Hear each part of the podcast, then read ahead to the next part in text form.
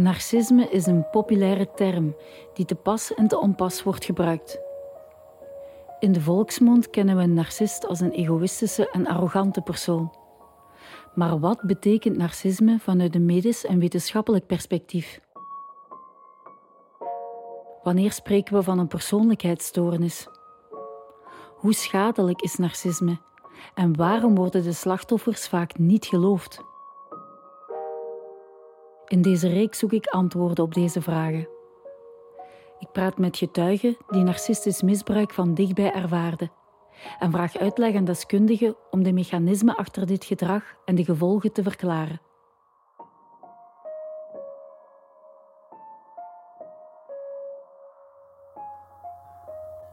Het beeld dat er van mij wordt gemaakt dat ik labiel ben, ziek ben, dat wordt allemaal opgezet en hij speelt daar heel de tijd op in.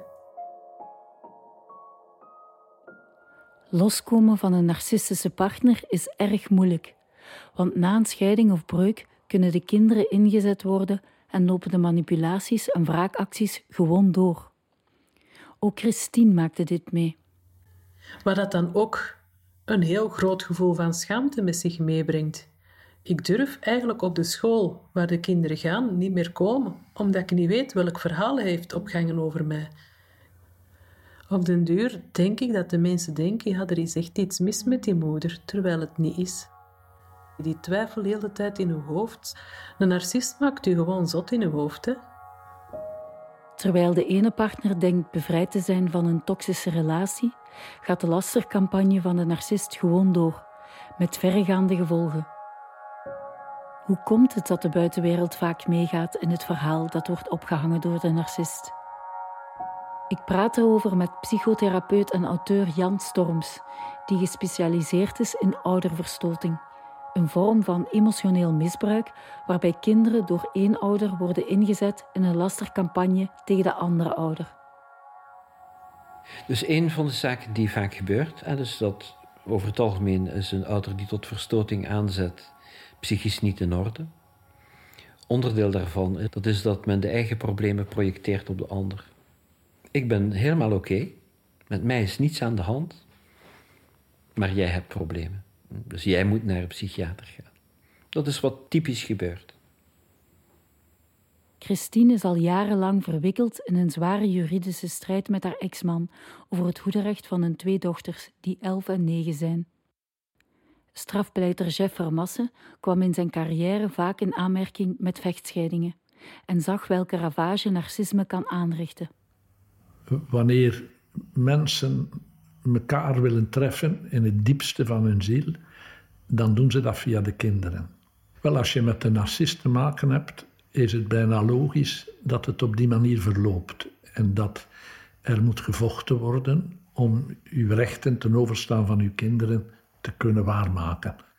Dat betekent dat dat een lange strijd kan worden, die dan escaleert en waarbij hij het zo kan spelen dat de tegenpartij in de fout lijkt te zijn. Christine is intussen negen jaar gescheiden. Ik vraag me af of ze nu, met de afstand die er is, kan zien wanneer de problemen begonnen zijn. Nog voor de positieve zwangerschapstest had hij laten weten dat hij het allemaal niet meer zag zitten, dat hij even apart moest gaan wonen om ons gezinsleven, onze relatie een kans te geven. En eigenlijk voor hem was de positieve zwangerschapstest van de jongste dochter een tegenslag. Zijn reactie was shit. Ik heb eigenlijk ook heel die zwangerschap zo goed als alleen doorgemaakt. Achteraf heb ik ook vernomen dat hij met elke echo naar zijn nieuwe vriendin ging, want ik vermoedde eigenlijk direct dat er iemand anders in het spel was. Ik had het er redelijk rap door, maar geprobeerd dat continu naast u neer te leggen, want je wilt dat, je wilt dat gewoon niet zien. Er is inderdaad fysiek geweld geweest ooit. Tegen mijn dochter en mezelf. Maar het had al een aanloop ook tijdens de zwangerschap dat het tot fysiek geweld is gekomen. Hij heeft dat naar zijn moeder toe helemaal omgekeerd en zijn moeder is toen bij mij komen vragen: Wat hebt jij met hem gedaan? Dan is eigenlijk onmiddellijk die periode begonnen van liegen, bedriegen, manipuleren, mij altijd de schuld geven voor dingen die misliepen. Ik werd altijd gestraft. Bijvoorbeeld, hij kon zeggen van kijk, die datum kom ik terug thuis wonen. Maar dan had ik bijvoorbeeld ontdekt dat hij op stap geweest was met zijn nieuwe vriendin. Ik wees hem erop, er kwam een ruzie van. Die ruzie was aan mijn schuld. En dat gaf dan voor hem ineens de vrijgeleide om te zeggen van kijk, uh, ik kan zo niet terugkomen, want er is ruzie. Dus hij probeerde het altijd zo om te wringen, om te buigen, dat het altijd terug bij mij terecht kwam dat ik de schuldige was. En dat liegen, ja, dat is tot op de dag van vandaag is nog steeds het geval. Hij liegt heel vaak over van alle zaken, dikwijls ook op de kap van de kinderen. De eerste jaren na de scheiding is er voor de kinderen een week-weekregeling. Maar Christine ziet haar dochters steeds meer lijden onder de situatie en stelt voor om psychologische hulp te zoeken voor hen. Die hulp komt er niet, want haar ex-man weigert er toestemming voor te geven. Mijn dochter gaf al heel lang aan dat ze aanvoelde dat ze niet meer voor een week naar haar vader wou. Mama, als dit nog lang blijft duren, wil ik liever doodgaan als kind. En als mijn jongste dochter zoiets zegt, dat komt niet uit het niets. Die heeft daar echt een heel lang proces aan vooraf laten gaan. Ik heb nog geprobeerd ze op andere gedachten te brengen, maar ze zei: Mama, ik weet het heel zeker. Ik ga het nu vertellen aan papa. En ik kon die niet meer op andere gedachten brengen. Ik heb nog geprobeerd van: Kijk, we kunnen dit beter bij de rechter oplossen.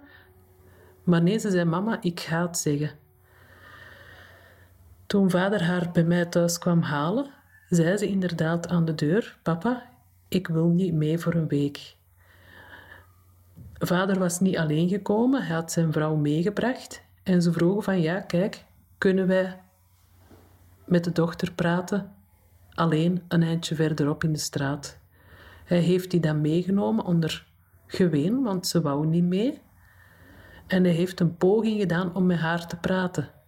Nu, het kind was zo emotioneel, zo hard aan het huilen, zo hard roepen dat ze naar mij wou komen, dat er eigenlijk niet meer mee gepraat kon worden.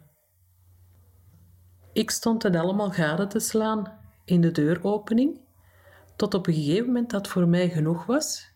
En dan ben ik er naartoe geweest en heb ik gezegd, zeg kijk, ik denk niet dat dit gesprek verder gunstig gaat evolueren. Het is duidelijk dat ze niet kan en wil praten nu. Waarop de vader dan het kind onder de arm heeft meegesleurd, krijsend als een big. Dan heeft hij haar tegen de auto gedrukt om verder met haar te praten, zo gezegd. Het kind was intussen compleet overstuur. En dat kon ik als moeder niet meer aanzien. Ik ben ook beginnen filmen, omdat ik toen zoiets had van... Nu kan eindelijk de ware aard van vader naar buiten komen. Maar wat blijkt in de wereld van justitie en politie. Het is erger van iemand te filmen dan iemand te mishandelen. En er is nooit iets mee gebeurd. Eigenlijk komt het erop neer dat mijn jongste dochter eindelijk alle moed van de wereld bij elkaar heeft gerapen om haar mond open te doen, om te zeggen: Ik wil het niet meer, en er is nooit naar geluisterd. Wat het nog erger maakt, eigenlijk heeft zij aan die bewuste gebeurtenis heeft zij een trauma overgehouden. Zij neemt alle schuld op zich voor het feit dat ze mij nu niet mogen zien, want zij weet heel goed dat dat op dit moment in gang gezet is. Als dat niet had gebeurd, hadden we waarschijnlijk nu niet zo ver gezeten. En dat zegt ze letterlijk van mama, ik had toen maar beter niks gezegd.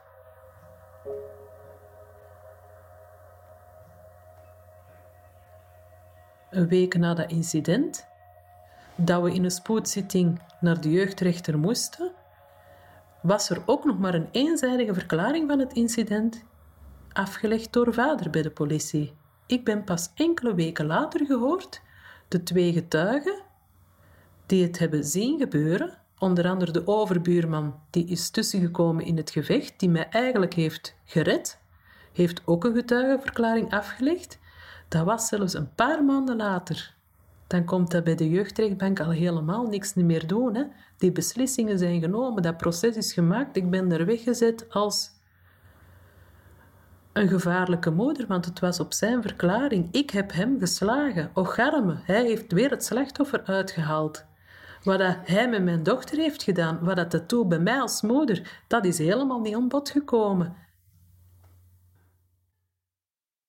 Ik vraag aan Jeff Romasse hoe het komt dat narcistische ouders zelfs tot in de rechtbank hun slag kunnen thuishalen.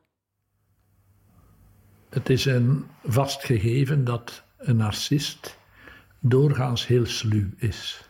En dus voor de rechter zal die heel charmant overkomen, heel vlot, heel vriendelijk en eigenlijk heel schijnheilig. Want zijn doel gaat hij natuurlijk camoufleren, dat zal alles in zijn voordeel proberen krijgen, maar hij gaat dat motiveren op een heel sociale, menselijke manier, want dat is ook een van die klassieke trucs. Dat is dat hij wel zo behendig is, zo handig, om te maken dat een ander intrapt in de val die hij openzet. En, en dat je zegt, maar hé, dat is nu toch een redelijke mens. Wat, bezielt u dat je daar niet kunt mee akkoord gaan? En zover moet hij de mensen krijgen. En zover krijgt hij dikwijls ook de mensen, omdat hij dat zintuig heeft van anderen rond de vinger te draaien.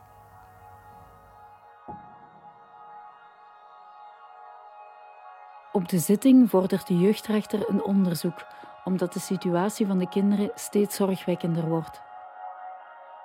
De kinderen moeten enkele maanden in een oriëntatiecentrum verblijven, zodat er een gepast hulptraject kan worden opgestart voor heel het gezin. Vanaf de krokusvakantie 2018 werd er beslist om de kinderen um, toe te wijzen aan een OOOC. Dat is een centrum van de overheid um, die ook diagnoses stellen, die bekijken wat er mis is, wat er moet gebeuren. Na amper een maand gesprekken hadden ze de oplossing gevonden. Op een gegeven moment, tijdens een afspraak, normaal gezien kwam de maatschappelijk assistent altijd alleen. Nu, voor die ene keer, had ze haar kinderpsycholoog bij. En dan wist ik direct van, ah, hier is iets.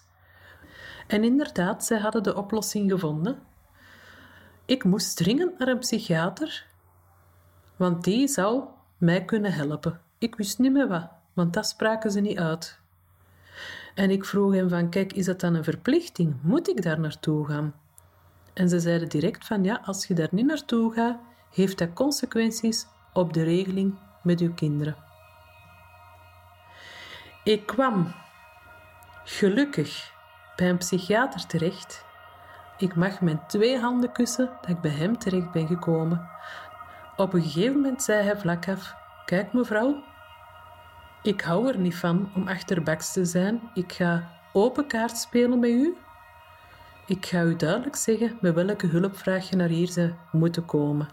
Hier staat duidelijk dat ik de ideeën die dat u heeft over vader uit uw hoofd moet praten.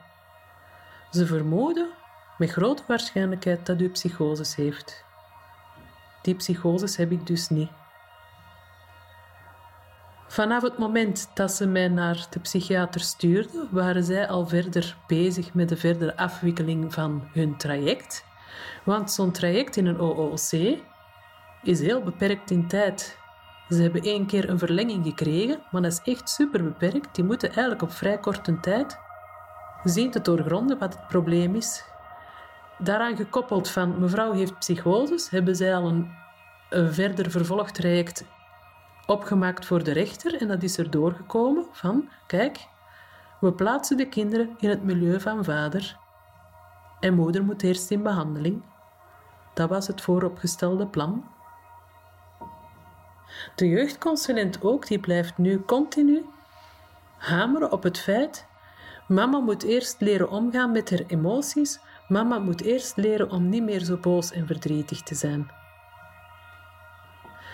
Ze zijn mij die boodschap komen brengen en ik ben eigenlijk daarop compleet ingestort. Omdat ik goed zag wat er rond gebeuren was. Ik stond machteloos, ze hebben mij niet gehoord. Ik had zelfmoordgedachten Ik schaamde mij daar zelfs niet voor, die waren terecht in mijn geval. Als je zo hard het mes op de keel wordt gezet, dan zakt de grond echt weg onder je voeten. Ik ben op die moment ook met de ziekenwagen afgevoerd. En eigenlijk van het moment dat ik ben binnengebracht in de psychiatrie weet ik niks meer. Ik ben toen eigenlijk compleet, heb ik eigenlijk alles uitgeschakeld, heel het denken en zijn. Ik vraag aan Jan Storms hoe het kan dat ook hulpverleners misleid worden. Dat ze de situatie niet doorzien. Meer nog, dat ze de emoties van de machteloze ouder wegzetten als een psychische stoornis. Dus een van de zaken die vaak gebeurt, dus dat over het algemeen is een ouder die tot verstoting aanzet, psychisch niet in orde. Onderdeel daarvan is, dus omdat het zelf moet altijd goed gevonden worden, hè, dat is dat men de eigen problemen projecteert op de ander. Ik ben helemaal oké, met mij is niets aan de hand, maar jij hebt problemen. En uh, wanneer men daar van buitenaf naar kijkt, dan, ah, dus dat is een menselijke trek ook. Dus wanneer men iemand ziet die buitengewoon emotioneel is, dus een heel zware eh, negatieve emoties terechtkomt van verdriet en boosheid en wanhoop en zo, dan zegt men van ja, kennelijk is die persoon zo. En dus men schrijft dat aan die persoon zelf toe en kijkt niet naar in welke omstandigheden dit gebeurt. En als men dat contra-intuïtieve karakter er niet van onderkent, en dus dat een zieke ouder zeer normaal naar voren kan komen en een gezonde ouder in alle staten kan zijn, en dus als onbetrouwbaar, eh, dus on, eh, labiel naar voren kan komen. Als je dat niet weet, zelfs een doorgewinterde professional, dus die zeer goed is in zijn vak, kan hierdoor op het verkeerde been gezet worden. En dat is wat je ook in het merendeel van de gevallen ziet gebeuren. Hè? Dus dat professionals precies de omgekeerde beslissing nemen van wat in het belang van het kind zou zijn. Christine wordt in de psychiatrie onderzocht. Er wordt vastgesteld dat er geen sprake is van psychoses.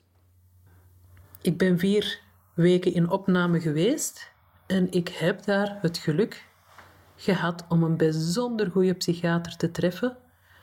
En die doorziet het probleem ook. De psychiater die stelt in zijn verslag dat ik geen psychoses heb. Dus dat het daar tijdens dat onderzoek helemaal is misgelopen. En op basis van wat zij kon lezen in het verslag van het OOC, zei ze van hoe kan het nu dat ze kinderen in dat milieu onderbrengen? Hier staat eigenlijk zwart op wit dat er met de grote waarschijnlijkheid iets mis is met die man. Hoe kan dat? Nu, die was niet aangesteld door de rechter of dergelijke, dus die heeft geen verslag gesteld, uh, opgesteld, maar ik ga daar niet over liegen wat hij tegen mij gezegd heeft. Um, en zij, allee, mijn psychiater ook, ze zegt, kijk, we moeten vragen dat hij ook onderzocht wordt. Nu sowieso, um, stel dat iemand met een narcistische persoonlijkheidsstoornis bij een psychiater komt, het is nog geen garantie dat het eruit gehaald wordt. Ze manoeuvreren zich overal tussen, ze weten perfect wat ze op welke vraag moeten aan, allez, antwoorden. Het is heel moeilijk.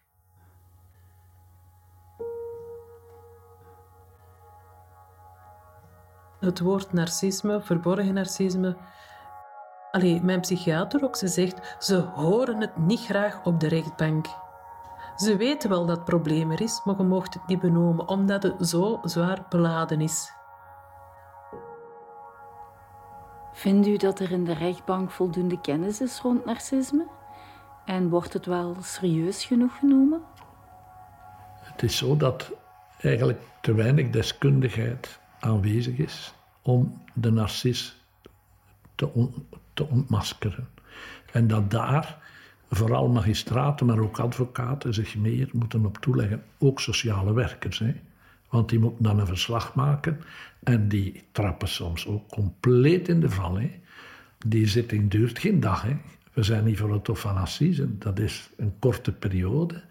En daar zie je vaak dat die mensen daarin slagen om in die korte periode zo'n nummer op te voeren dat je als advocaat van de tegenpartij soms geneigd bent om te zeggen: maar nee, misschien is die toch zo kwaad nog niet. En, en heeft hij toch wel gelijk. Zover kunnen die dat soms brengen. Omdat je, je moet eigenlijk doorhebben dat je met een narcist te maken hebt. En die kennis, die is niet zo groot. Psychologen hebben die kennis en uiteraard criminologen. Omdat als criminoloog zie je daar lossen door. Maar anderen een mens die een opleiding van jurist heeft, die kent veel wetten, die kent de evolutie van de wetten. Maar die kan soms bij gebrek aan ervaring of aan aanleg minder zicht hebben over de persoonlijkheid van iemand. En dan zit je met dat probleem. En dan is dat goed bedoeld vanuit de rechtsmacht, maar ja, is het fout om, om, omdat men nadien zegt: verdorie, hoe ben ik daar nu toch weer ingetrapt? Na haar verblijf in de psychiatrie mag Christine haar kinderen bezoeken, maar dit kan enkel in een neutrale ruimte en onder begeleiding. Ik weet, ik heb dat mijn kinderen een drietal maanden niet gezien. Ik heb die vakantie, nadat ik uit de psychiatrie ben gekomen, heb ik heel de tijd moeten strijden bij de jeugdconsulent voor bezoekmomenten. Er werd vastgelegd van kijk, je mocht uw kinderen, ik denk, een een dag per week zien, denk ik. Ik weet het niet zeker niet meer. Ik dacht een dag per week. Die bezoekmomenten gingen uiteraard goed. Ah ja, die moesten onder toezicht. Onder toezicht van ofwel mijn moeder ofwel een vriendin. Nu, het schrijnende aan heel die zaak is... Ze hebben tot op de dag van vandaag nog nooit aan mijn moeder of die vriendin gevraagd hoe zijn die bezoeken nu gelopen. Dus er werd wel iemand aangewezen van je moet toezicht houden voor die moeder, die gevaarlijke moeder. Maar ze hebben niet gevraagd hoe zijn die bezoeken gelopen. Ik heb dan zelf heel hard, want ik laat niet los, heel hard aangedrongen um, op een gesprek bij de jeugdconsulent. Ik had er ook een vriendin naar meegenomen. Ik weet eigenlijk niet meer wat de precieze reden is dat ik die bij had, maar het was eigenlijk heel goed dat ik die bij had, want zij heeft achteraf een getuigenverklaring geschreven. Tijdens um, het gesprek met de jeugdconsulent werd mij eigenlijk de hemel op aarde beloofd. De jeugdconsulent zei van ja, kijk, maar u bent niet zoals andere moeders. Bij u gaat dat rap terug herstellen. Dat gaat rap terug naar een week-week gaan. Ze sprak zelfs in termijnen van oh ja, maar de herfstvakantie tegen dan is dat in orde. Dus ik ben daar blij buiten gegaan van ah, het, is geen, mijn, mijn, het einde is in zicht wist ik veel dat ik toen nog maar aan het begin van de ellende stond.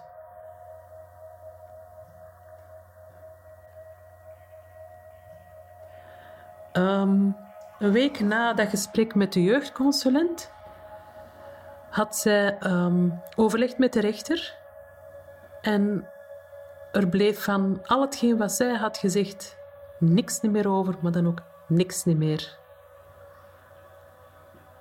echt niks meer. Ik heb haar daarop gewezen. Blijkbaar kon zij niet verdragen dat ik haar daarop wees. Ze zei van ja, kijk maar nee, je hebt dat anders geïnterpreteerd. Ik heb u nooit dingen beloofd. Terwijl ik echt wel het verslag van die vriendin heb die dat, dat onder eten wil verklaren. Die dat, dat allee, die, die liegt daar niet over. Ehm, en omdat ik haar er de jeugdconsulent heb op aangesproken, was het sindsdien, daarna dan, een periode van non-communicatie. Ik heb die mails gestuurd, ik heb die vragen gesteld, ik heb die proberen te bellen. Ik kreeg nergens een antwoord op. Als vader vroeg, dus is maanden op voorhand, mag ik in juli op vakantie gaan naar Zweden met de meisjes? Hij kreeg binnen de week antwoord. Ik kreeg zelfs geen antwoord op de vraag Mag ik kerstmis vieren dit jaar met mijn kinderen? Ik heb dat jaar geen kerstmis met mijn kinderen gevierd, omdat, ze, omdat ik ze dat jaar, 25 november, voor de laatste keer heb gezien voor een periode van zes maanden. Geen kerstmis. Het jaar nadien nog geen kerstmis. Ik kan me niet meer herinneren wanneer ik nog samen met mijn kinderen vakantie heb gehad en samen feestdagen heb doorgebracht. Ik vraag aan kinderpsychiater Lieve Svinne waarom kinderen uiteindelijk kiezen voor een van de ouders. Bij een vechtscheiding is er conflict en conflict kan ervoor zorgen dat kinderen een, keuze gaan maken tussen een van de twee of zelf de dieperik ingaan, hè, omdat ze het helemaal niet meer weten. Hè. Ja, en ze maken dan die keuze. Uh, en waarom? Is dat omdat ze de pijn niet meer aan kunnen? Als je bestookt wordt met opmerkingen hoe slecht de ander is en je mag, mag niet daar iets tegen inbrengen. Of je mag nooit zeggen van, uh, ja maar, hè, dat was ook fijn. Dat kan, dat kan een kind niet volhouden. En dan maakt men een keuze om van de strijd af te zijn, om de waarheid, want doe dat maar eens, hè, constant tegenovergestelde boodschappen horen. Dat is heel erg moeilijk.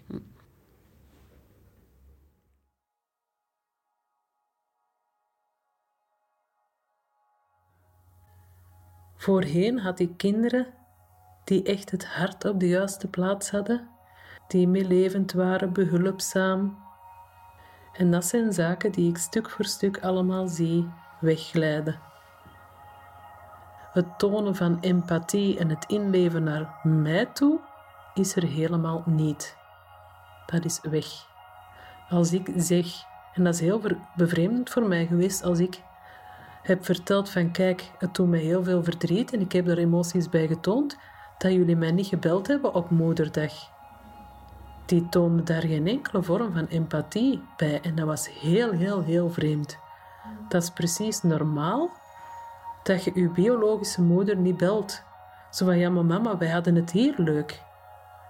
Ik kon dat niet begrijpen dat zij niks voelde bij mijn verdriet. Daar kwam het op neer, die voelde niks. En dat is heel vreemd.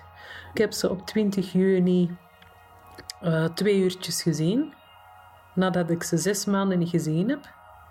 Mijn moeder merkte ook op, die kinderen die vertrekken bij mij, die tonen geen enkele emotie, die hebben geen enkele moeite om bij mij terug te vertrekken. Terwijl twee jaar terug was het tranen met uiten omdat ze twee weken moesten wachten om mij nog eens te zien. Daar schiet niks van over. Uit het onderzoek van het OOOC is wel in het verslag naar boven gekomen dat die kinderen ongelooflijk graag bij mij zijn. En nu plots zeggen die om het is genoeg één keer in de maand. Dan moet er toch een belletje gaan rinkelen.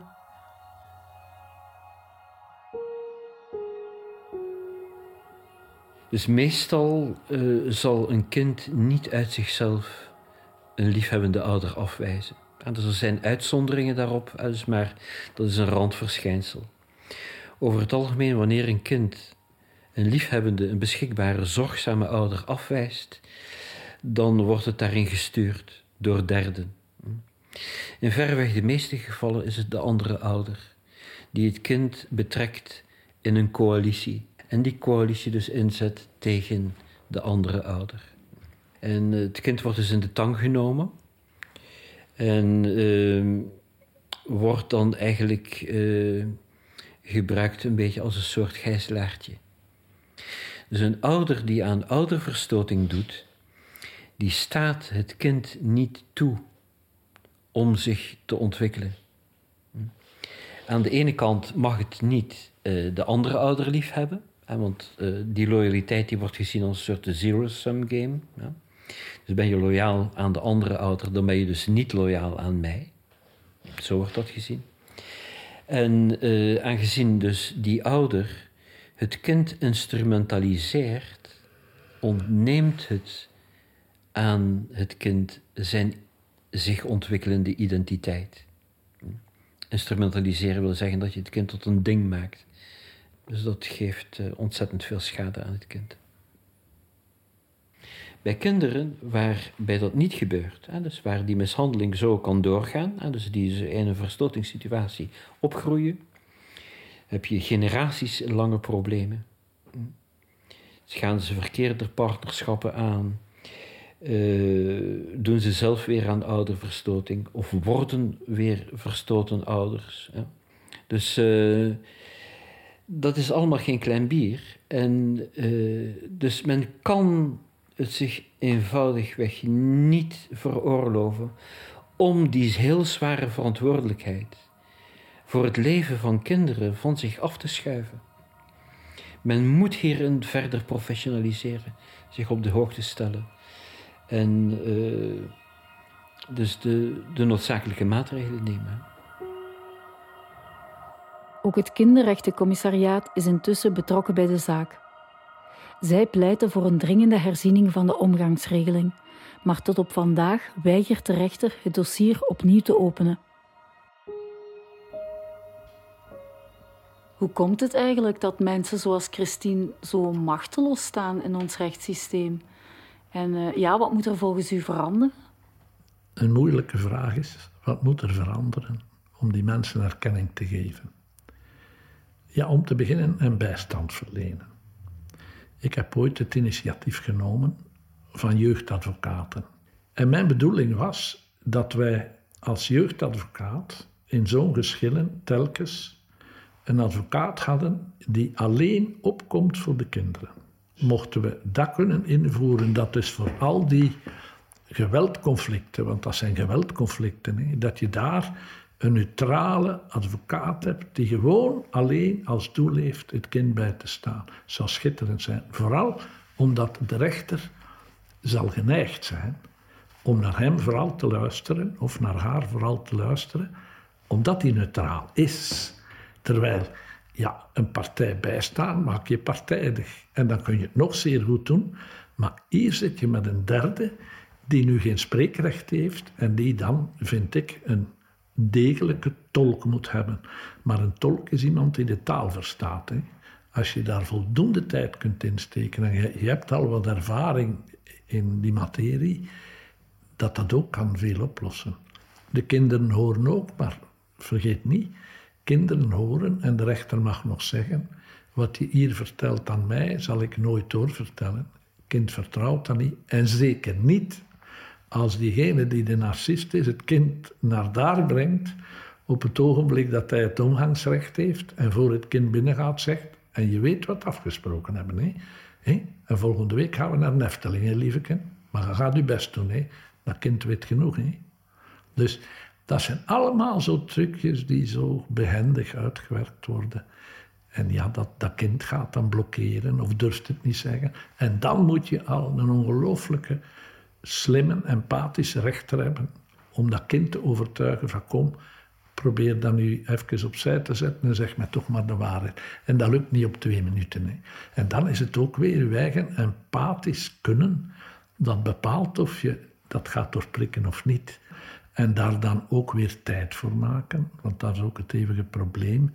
Dat de rechter heeft dikwijls al zoveel rond zijn oren, dat wanneer hij dat voor iedereen zou moeten doen, eh, niet meer moet gaan slapen. Maar toch zijn er gevallen waar ik vind dat als je daar voldoende tijd kunt insteken en je, je hebt al wat ervaring in die materie, dat dat ook kan veel oplossen.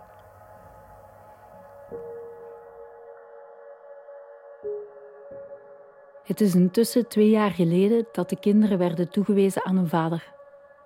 Alhoewel Christine emotioneel uitgeput is, blijft ze vechten voor haar dochters. Ik ehm, zit in een ritme van crashen en terug overeind kruipen. Continu. Ik zit eigenlijk in een continu spanningssysteem. Heel mijn lichaam leidt er intussen ook onder. Ik leef eigenlijk onder hoogspanning. Ik kan het volhouden omdat ik een moeder heb die naast mij woont, naast mij staat, die er is voor mij die het helaas ook geweldig zwaar heeft. Ik heb een handjevol vrienden bij wie ik terecht kan. Die zorgen er mee voor dat ik er blijf staan. En ook, ik denk dat er een ongelooflijk grote moederlijke kracht in mij zit, die maakt dat ik weet dat ik moet volhouden omdat anders die kinderen eraan zijn voor de moeite. Ik moet, ik heb geen keuze.